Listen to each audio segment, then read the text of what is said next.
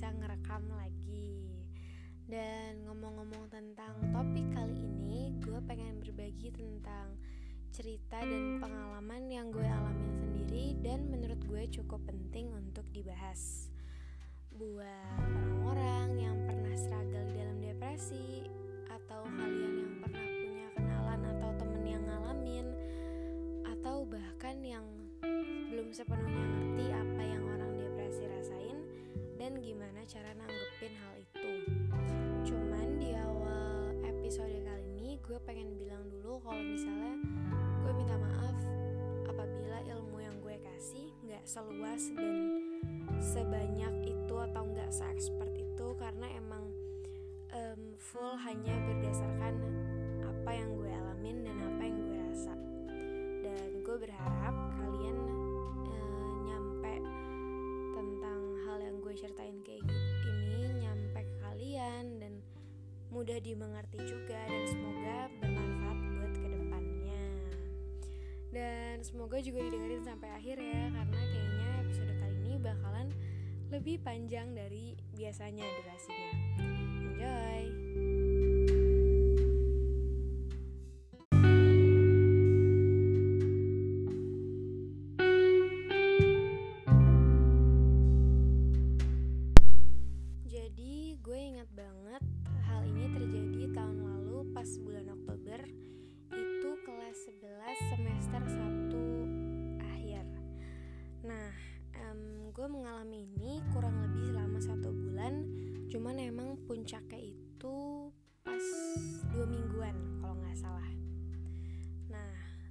Awalnya sendiri gue sebenarnya nggak terlalu ingat detailnya kayak gimana. Cuman yang em, menurut gue menjadi pemicu saat itu adalah karena lagi banyak-banyaknya tugas em, tugas ulangan pelajaran juga lagi lebih susah dari sebelumnya. Dan em, gue merasa ada tanggung jawab lain yang harus dilakuin. Dan saat itu gue merasa ekspektasi lebih mau ngeset goals lebih tinggi kayak eh, gue harus bisa lebih dari ini. Gue pengen ulangan gue segini. Kok gue merasa belum puas ya. Kayak gitu. Jadi dengan adanya tanggung jawab yang tiba-tiba brek datang semuanya barengan nggak pakai step by step kayak gitu dan gue sendiri merasa keteteran. Itu sih awalnya. Nah hmm, saat itu yang gue rasain adalah capek. Baik fisik dan di mental pun apalagi lebih parah. Kalau misalnya yang di mental gue mulai kehilangan semangat. Gue mulai merasa hampa. Dan ini gak lebay sumpah. Saat itu gue merasa kosong dan sendiri. Bahkan gue tuh sempet em, suka nangis tiba-tiba. Yang biasanya gue nangis hanya untuk meluruhkan beban gue nangis saat itu tanpa alasan hanya ya tiba-tiba pengen aja gitu. Tiba-tiba emosional dan ya udah nangis. Kayak gitu. Terus gue juga yang biasanya terbuka mulai susah buat cerita ke teman-teman Em, ada beberapa hal yang bikin gue mulai susah cerita ke orang lain karena gue merasa orang-orang saat itu juga lagi sibuk. Jadi kayak ah masa sih gue cerita ke mereka ngebebanin mereka juga padahal mereka juga punya masalahnya masing-masing. Gue agak takut gitu loh em, nyusahin mereka dan juga mulai merasa males ngomong sama mikir ah kayaknya cerita tuh nggak ngebantu banyak. Kayak gitu. Padahal biasanya gue santai-santai aja dan selain hilang semangat gue juga merasa cemas sama hal-hal berkali-kali gue ngomong sama diri sendiri kayak gue capek banget gue capek banget. Dan yang biasanya capeknya gue bisa hilang dengan tidur bangun eh, besoknya udah biasa lagi ini kok kayak nggak hilang.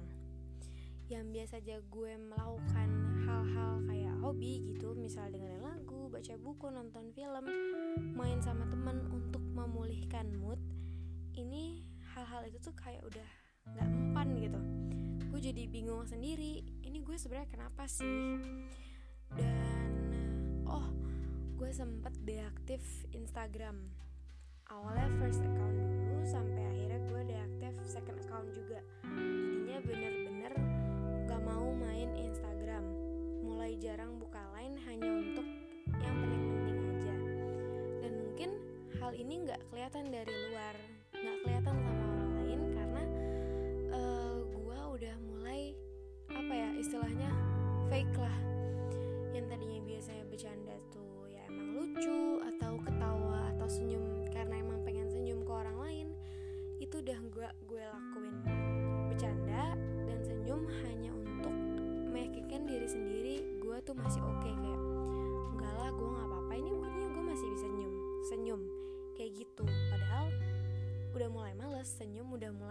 formalitas aja. Dan saat itu untungnya gue nggak merasakan kecenderungan untuk menyakiti diri sendiri atau uh, sampai berpikiran untuk bunuh diri. Pokoknya yang bener-bener negatif ke sana itu sama sekali nggak gue rasain alhamdulillahnya. Gue malah merasa takut akan hal-hal itu kayak gitu loh. Jadi yang paling kerasa adalah gue merasa terjebak di satu situasi yang gue tuh bingung gitu cara keluarnya kayak gimana. Pengen bangkit tapi nggak tahu caranya kayak gimana. Dan sering banget dalam hati ngucap berkali-kali ya itu tadi gue capek banget. Nah itu tadi yang capeknya ada di dalam. Untuk capek yang di fisik walaupun gak melakukan banyak kegiatan uh, badan gue tiba-tiba jadi sering capek paling kerasa adalah sakit punggung. Padahal gue di kelas cuman duduk dengerin guru ngejelasin ngerjain tugas nggak melakukan aktivitas fisik yang berat. Tapi rasanya punggung gue tuh bengkok sakit nyampe. Um, hal ini kan hanya gak gue ceritain ke banyak orang ya.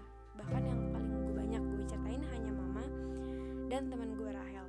Saat itu gue bilang ke Rahel kayak Rich gue pengen nangis punggung tuh sakit banget. Gue capek gue pengen pulang. Gue cuman pengen tidur di rumah nggak mau ketemu sama siapa pun. Bahkan tidurnya pun walaupun gue tahu nggak menghilangkan capek tapi seenggaknya gue lupa. Seenggaknya gue ngelewatin di mana gue harus bengong diem terus tiba-tiba nangis mikirin hal-hal dan yang lainnya cara untuk keluar dari semua ini kayak gitu. Ya itu tadi capeknya mulai kerasa di badan.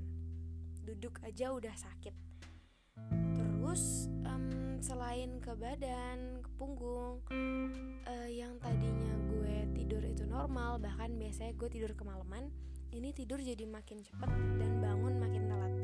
Artinya tidur gue jadi mulai kebanyakan. Terus juga makan lebih dari porsinya itu lebih dari biasanya. Itu tadi tidur dan makan polanya udah nggak bener. Terus um, untuk berada di percakapan pikiran gue udah nggak ada di situ dan apa ya mulai males ngedengerin orang ngomong. Nah itu tadi yang menurut gue mengantarkan gue pada puncaknya. Pas puncaknya itu adalah dua minggu yang terparah-parahnya pas tiba-tiba di tangan gue dari lengan atas sampai pergelangan itu di kanan dan kiri muncul kayak merah-merah yang timbul lebar-lebar gitu kayak orang alergi gue sampai penasaran gitu kan ini gue alergi makanan apa? Karena biasanya nggak pernah alergi makanan atau mungkin oh suhu kali atau debu gitu kan. Dan emang saat itu gue nggak langsung ke dokter pengen nyoba pakai krim dulu di rumah. Gue pikir oh mungkin udara oh mungkin ini. Tapi kok ternyata nggak pulih-pulih ya nggak membaik sama sekali malah makin parah dua hari atau tiga hari sebelum ke dokter itu bahkan di hari gue ke dokter adalah hari-hari di sekolah yang cukup berat. Ada banyak banget tugas dan PR yang kayak menumpuk harus dilakuin hal itu juga kayak gitu. Nah ketika gue pergi ke dokter yang gue harapin adalah jawaban atas gue alergi apa. Penasaran banget sumpah saat itu. Yang di pikiran gue tuh kayak emosi nggak karuan dan sebebas sebelumnya kayak gitu. Terus ditambah dengan gatal-gatal di tangan yang sangat mengganggu aktivitas. Um, saat itu gue inget banget gue ke dokter pagi-pagi sebelum sekolah. Jadi gue uh, sempat izin jam pagi dan balik lagi ke sekolah setelah ke dokter. Dan saat itu dokternya bilang eh, nggak uh, sesuai sama apa yang gue pikirin. Dia bilang kayak gini waktu itu e, kamu ini nggak alergi sama makanan atau suhu dan debu yang lain-lain enggak. Ini penyakit yang berasal dari psikis dan mental kamu. Ada yang terganggu di situ. Kamu lagi nggak kenapa-napa ya? Di situ gue langsung diem. Dan kaget banget pasti karena gini loh dari awal ini kejadian aneh-aneh sama perilaku gue dan pikiran gue perasaan segala macem gue udah mulai kepikiran kenapa gue mulai kepikiran cemas dan takut kalau misalnya apa yang gue alami adalah depresi? Nah um, bukannya alih-alih gue bilang ke orang lain atau ya apa kayak ngulang-ngulang ke diri sendiri kayak duh gue depresi atau makin buruk? Enggak sebenarnya gue malah takut akan kenyataan kalau misalnya gue beneran ngalamin itu. Dan ketika dokter itu ngomong rasanya semua yang itu beneran jadi nyata. Kayak dikasih validasi emang sebenarnya yang gue rasain kemarin-kemarin emang mental gue lagi nggak bener. Nah kayak gitu. Selain alergi di tangan puncak terparahnya itu adalah ketika yang tadinya nangis tiba-tiba itu mulai makin parah sampai gue nangis di kamar mandinya sambil teriak-teriak. Sambil mandi kan. Sengaja gue banjurin air banyak-banyak supaya suaranya itu nggak kedengeran. Dan itu gue merasa lega banget yang kayak gue teriak-teriak nangis selega mungkin tapi habis keluar kamar mandi mata gue sembab. Kayak gitu. Dan oh iya ada satu hal lagi. Um, karena gue mulai udah menjurus ke hal ini akhirnya gue sempat googling googling gejala depresi segala macam. Dan oh ya FYI saran gue jangan pernah nyari-nyari tentang penyakit di Google karena sumpah hasilnya serem banget. Dan akhirnya gue nyari di Pinterest kan. Uh, karena emang gue suka buka Pinterest gue ketik tuh depression. Dan gue kaget yang tadinya gue nyari quotes quotes untuk membangkitkan diri gue kayak kata-kata yang bagus-bagus gitu.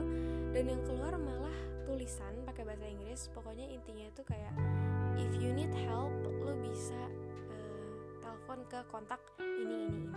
Kalau lo merasa sendiri jangan sungkan untuk menghubungi orang lain.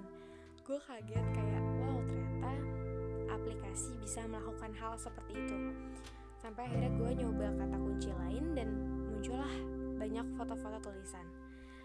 Yang tadinya pengen melegakan diri ternyata kata-kata yang gue nemuin malah berisi hmm, hal-hal hmm, yang relatable gitu pas gue baca gue merasa kayak ini gue banget. Gue kayak gini banget. Apa jangan-jangan gue beneran nih lagi mengalami depresi? Dan uh, seinget gue contoh kalimatnya itu yang ada di foto adalah kayak pakai bahasa Inggris pernah nggak sih lo merasa capek yang gak hilang sama tidur? Capeknya tuh tinggal di dalam diri berhari-hari gak hilang-hilang dan itulah apa yang orang depresi rasain kayak gitu. Dan itu ada banyak banget gue savein dan ketika gue udah pulih pun ngelihat foto itu tulisan itu ngebaca lagi merasa takut takut untuk kembali di situasi yang sangat-sangat gak karuan itu. Dan pas nemu quotes quotes itu gue kirim ke teman gue Rahel gue ceritain kayak Rich uh, lihat deh uh, gue kirimin foto-foto itu. Terus gue bilang gue bener-bener ngerasain hal ini. Gue setakut itu mengalami depresi. Cuman yang gue inget banget adalah dia bilang kayak Zah lo yakin kan lo masih bisa bangkit dan lo tahu kan lo bisa keluar dari semua hal ini? Gue bilang gue jawab gue tahu gue bisa gue mau. Gue cuman gak punya semangat. Bahkan gue malah terjebak.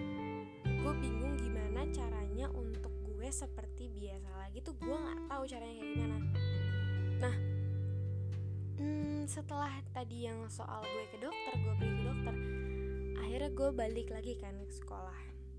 Cuman izin jam pagi. Dan gue inget banget um, ada satu kejadian yang apa ya istilahnya ikonik lah. Jadi saat itu yang biasanya gue masih fake pas balik dari dokter gue udah secapek mungkin baru dibilang ya ini mental kamu yang nggak kenapa-napa kayak gitu. Mata gue sembab gelap cemberut bete lemes capek muka gue udah nggak jelas banget. Uh, ada temen gue namanya Stefanus. Stefanus kalau misalnya lu dengerin ini hmm, dia bilang kayak Zah lu kenapa? Muka lu kok kayak capek banget muka lu kenapa? Lu kenapa? Poin dia nanya lu gue kenapa? Dan gue bilang iya tadi gue habis dari dokter. Terus kata dokternya begini begini begini. Ini loh tangan gue yang gini gini gini. Ternyata nggak alergi gini gini gini. Dan dia langsung uh, kayak salaman ngambil tangan gue. Terus dia salamin erat banget. Dia pegang dia bilang Zah semangat. Ih Zara semangat gue tahu lo bisa kok. Muka lo kelihatan capek banget. Pokoknya gue lupa kalimat persisnya apa. Pokoknya yang gue ingat adalah saat itu gue merasa akhirnya ada energi lain yang bisa bikin gue semangat kayak sebelumnya. Karena di fase itu gue sama sekali gak uh, apa ya gak mendapat semangat itu dari orang lain. Karena gue juga nggak cerita atau mencari bantuan kayak segala macam enggak. Jadi pas dia bilang kayak gitu dan dia erat banget megang gue merasa wow kayak gue bisa deh beneran melewati ini kayak gitu. Dan akhirnya setelah mikir banyak-banyak gue beraniin untuk cerita ke mama. Awalnya gue nggak mau cerita karena dari banyak cerita-cerita orang depresi yang ngalamin dan cerita ke orang lain ke orang tua lebih tepatnya kadang respon mereka nggak seperti apa yang kita pengen dan justru dianggap remeh enteng. Gue pun juga nak, uh, takut sama hal-hal yang serupa. Dan hari hari uh, hari itu ketika gue cerita ke mama hmm, gue inget banget adalah hari ketika gue nangis sambil mandi untuk kesekian kalinya. Awalnya gue nggak karena gue juga merasa kayak kapan ya kapan ya? Ketahan susah banget buat ngomong dan begitu akhirnya bisa cerita itu rasanya kayak uh, seluruh apa yang di kepala tuh tumpah. Gue cerita sambil nangis gue yakin kata-kata yang gue ucapin saat itu tuh bener-bener nggak jelas acak-acakan nggak berurutan. Saking banyaknya yang mau gue omongin tapi nggak pernah bisa tumpah saat itu juga. Dan gue bersyukur banget respon dia nggak seperti apa yang gue pikirin selama ini.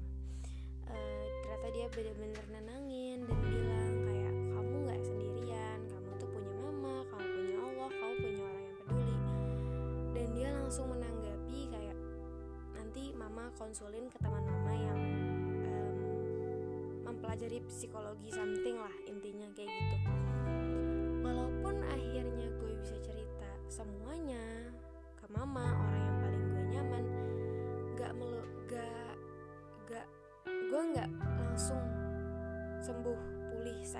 saat itu juga. Waktu gue bilang ke Rahel Rich gue udah cerita ke mama. Dia bilang kayak gimana? Udah lega? Ya lega sih sedikit. Tapi tidak memulihkan semuanya. Biasanya kalau misalnya kita stres atau penat kita cerita ke orang rasanya tuh lega banget. Nah ini tuh enggak.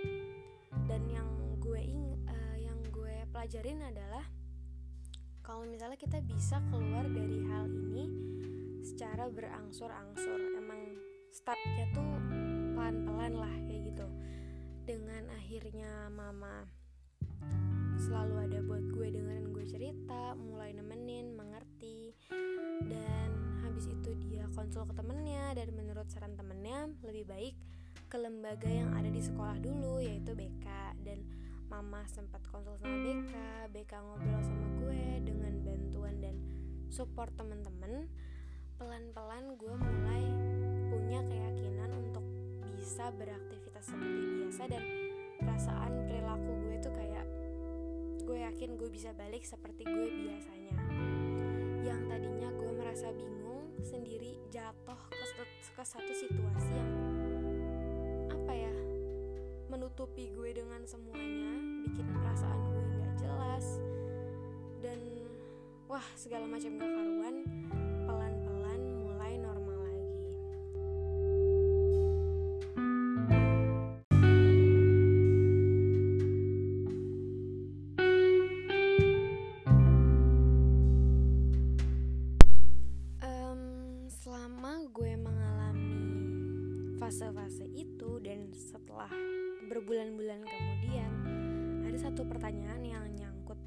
kepala gue dan gue nggak ngerti jawabannya apa.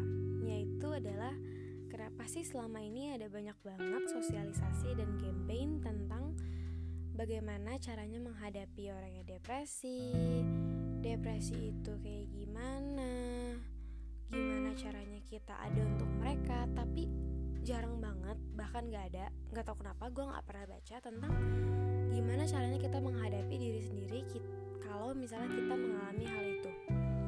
Jadi dari banyaknya artikel yang gue baca itu sama sekali nggak berguna ketika gue mengalami itu sendiri gitu. Karena yang selama ini gue tahu adalah gimana caranya kita bereaksi terhadap orang yang mengalami bukan diri kita sendiri yang mengalami.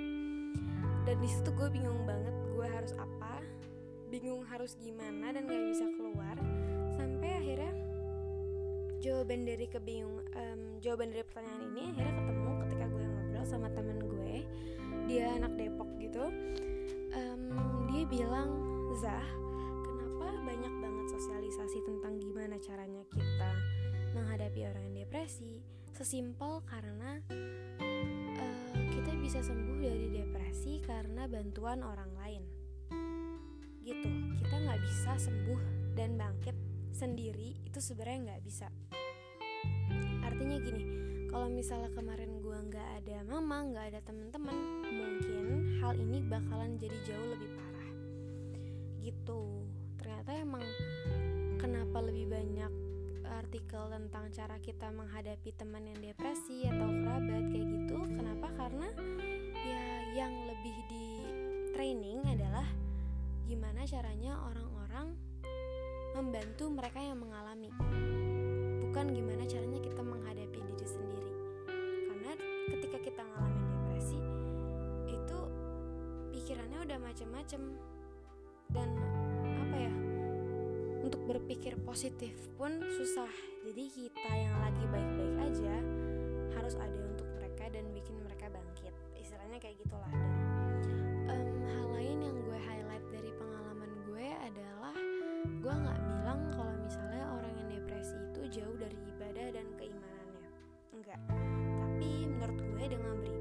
jelas sangat membantu pemulihan depresi. Kenapa gue bisa bilang kayak gini? Karena menurut gue orang-orang yang lagi ada di fase itu merasa kehilangan keyakinan. Keyakinan itu terhadap dirinya sendiri sekitar udah mulai nggak pede nggak yakin bisa positif seperti dulu nggak nggak nggak punya pikiran untuk bisa bangkit seperti dulu. Pokoknya bawaannya udah negatif aja itu tanpa kita sadari kayak gitu. Nah tapi dengan kita ibadah setengahnya kita melakukan hal-hal yang bisa nenangin diri dan batin kita sendiri. Kayak kita punya tempat untuk berlindung kita punya tempat untuk pulang yang bisa kita percaya seenggaknya hal itu nyata ada. Kayak gitu. Nah um, pendapat gue tentang depresi juga adalah menurut gue depresi itu bisa terjadi sama siapa pun di umur berapapun dan dalam situasi apa pun. Bahkan di orang yang menurut kita kriteria hidupnya tuh udah sempurna banget lah. Itu tuh bisa terjadi sama mereka dan mungkin gak kelihatan sama mata kita sendiri. Dan apa ya menurut gue juga sebenarnya mungkin semua orang seumur hidupnya cuman bisa jadi mereka nggak sadar. Kayak gitu. Dan menurut gue hal ini sama sekali nggak bisa dianggap enteng atau remeh karena kita nggak pernah tahu sejauh apa orang lagi struggling sama dirinya sendiri. Masih mending kalau misalnya kayak apa yang gue alami kemarin nggak cukup parah tahu kalau misalnya masih banyak yang di luar sana yang mengalaminya itu jauh lebih parah. Sampai berpikir untuk menyakiti diri sendiri atau self harm atau bunuh diri itu tuh beneran nyata dan mungkin. Jadi jangan sampailah kita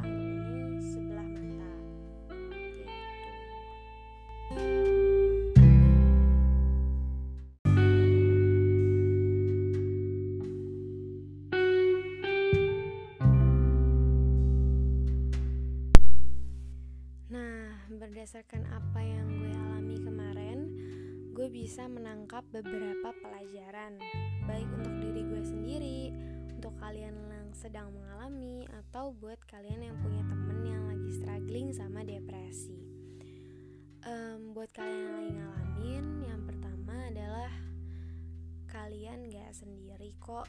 Um, mungkin emang kerasanya sepi, kosong, nggak ada yang dengerin merasa semua orang lagi nggak peduli sama kita tapi sebenarnya bener-bener ada orang yang lagi peduli sama kita. Mereka tuh ada. Carilah mereka. Kayak gitu. Dan um, menurut gue penting juga untuk kita berusaha untuk terbuka cerita sama orang lain. Cuman emang ceritalah sama orang yang sekiranya paham bukan terdekat juga belum tentu paham. Um, dan apa ya pasti bakal lebih enak juga untuk cerita sama orang yang menurut kita nyaman merasa eksistensi kita dihargai sama mereka. Kayak gitu. Dan ketika kalian udah mulai merasa aneh sama diri sendiri kayak gue kayaknya biasanya nggak kayak gini deh.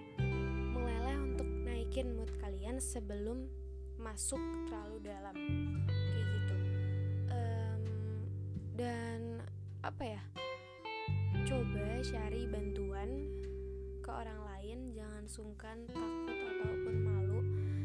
Kalian bener-bener berhak mendapat bantuan itu. Dan gue yakin pasti ada orang-orang yang bakal ada di samping kalian ngedengerin hadir dan nonton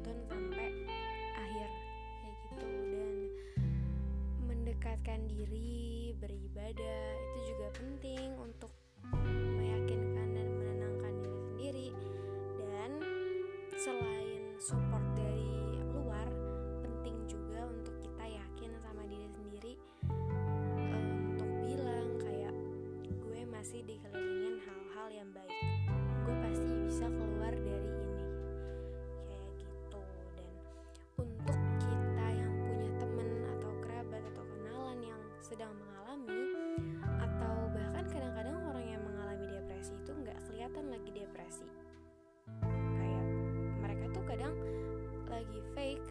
nggak kelihatan kayak apa dalamnya.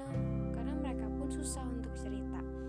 Jadi hmm, mungkin kalau misalnya dari apa yang gue rasain kemarin adalah gue menginginkan orang yang hadir dan jadi pendengar yang baik. Kadang eh, orang-orang yang lagi ngalamin itu tuh nggak butuh saran-saran. Mereka cuman butuh ada temen yang mau duduk di sebelah dengerin kita cerita sampai akhir berkeluh kesah merasa dipahamin ditemenin dan dibutuhin. Karena di saat itu orang-orang yang depresi merasa sangat sensitif emosinya nggak stabil dan mereka sangat rapuh. Mungkin susah buat kita untuk merasa relatable sama mereka merasa maksudnya gini kalau misalnya kita pernah ngerasain pasti akan lebih mudah kita misalnya kita nggak pernah ngalamin mungkin kita bisa coba untuk posisiin kayak ada banyak misalnya ada banyak banget beban di kepala kita tapi kita nggak bisa ngeluarin itu semua. Pasti nggak enak banget kan? Nah dengan kita menjadi pendengar yang baik yang baik seenggaknya uh, teman kita ini jadi punya tempat tempat untuk ngecurahin cerita-cerita mereka dan bikin mereka semakin enteng lah istilahnya percaya kalau misalnya mereka tuh dibutuhin dan benar-benar berharga pantas untuk ada di sini. Kayak misalnya contoh omongannya tuh kayak ehm, lo mau nggak bantu gue ngerjain ini? Kayaknya lo berbakat deh di hal ini. Atau kayak e, mau nggak pergi temenin gue ke sini? Yuk. Kalimat-kalimat tersebut menurut gue tuh bikin mereka merasa kehadiran mereka tuh dinilai penting. Bahkan kadang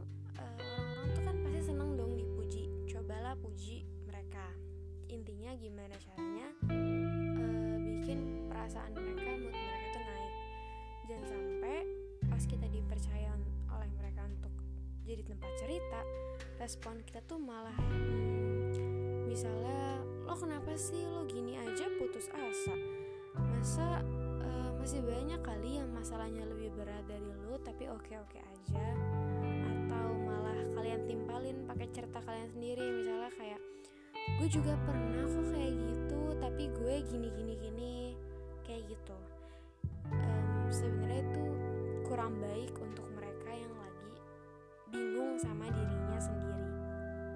Pasti mereka pengen uh, didengerin yang tadinya niatnya percaya pengen cerita tapi ternyata uh, responnya nggak seperti yang mereka kira. Kayak gitu sih kalau misalnya dari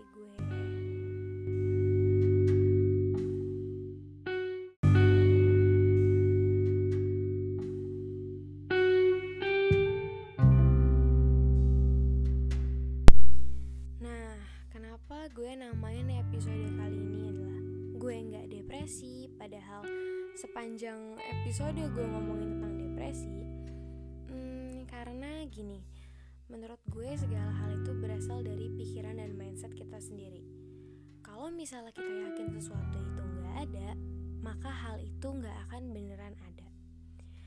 Karena selama ini gue takut gue jadi depresi, tapi sebenarnya gue nggak yakin gue itu lagi depresi akhirnya gue nggak merasakan depresi itu sendiri maksudnya adalah walaupun dari segala gejala yang gue baca dari apa yang dokter bilang dari hasil konsultasi menyatakan bahwa mungkin bukan mungkin maksudnya bahwa ini adalah depresi tahap awal atau ringan tapi karena hasil sugesti dari di dalam diri gue sendiri akhirnya yang menuntun gue kepada hmm, pikiran yang masih bisa uh, apa ya istilahnya masih bisa positif lah. Jadinya gue nggak sampai ke uh, hal-hal yang menjurus pada bahaya. Nah gue yakin kalau misal kemarin-kemarin uh, gue sendiri malah mendoktrin diri sendiri dengan kayak gue depresi gue begini gue begitu mungkin akan lebih parah. Kayak gitu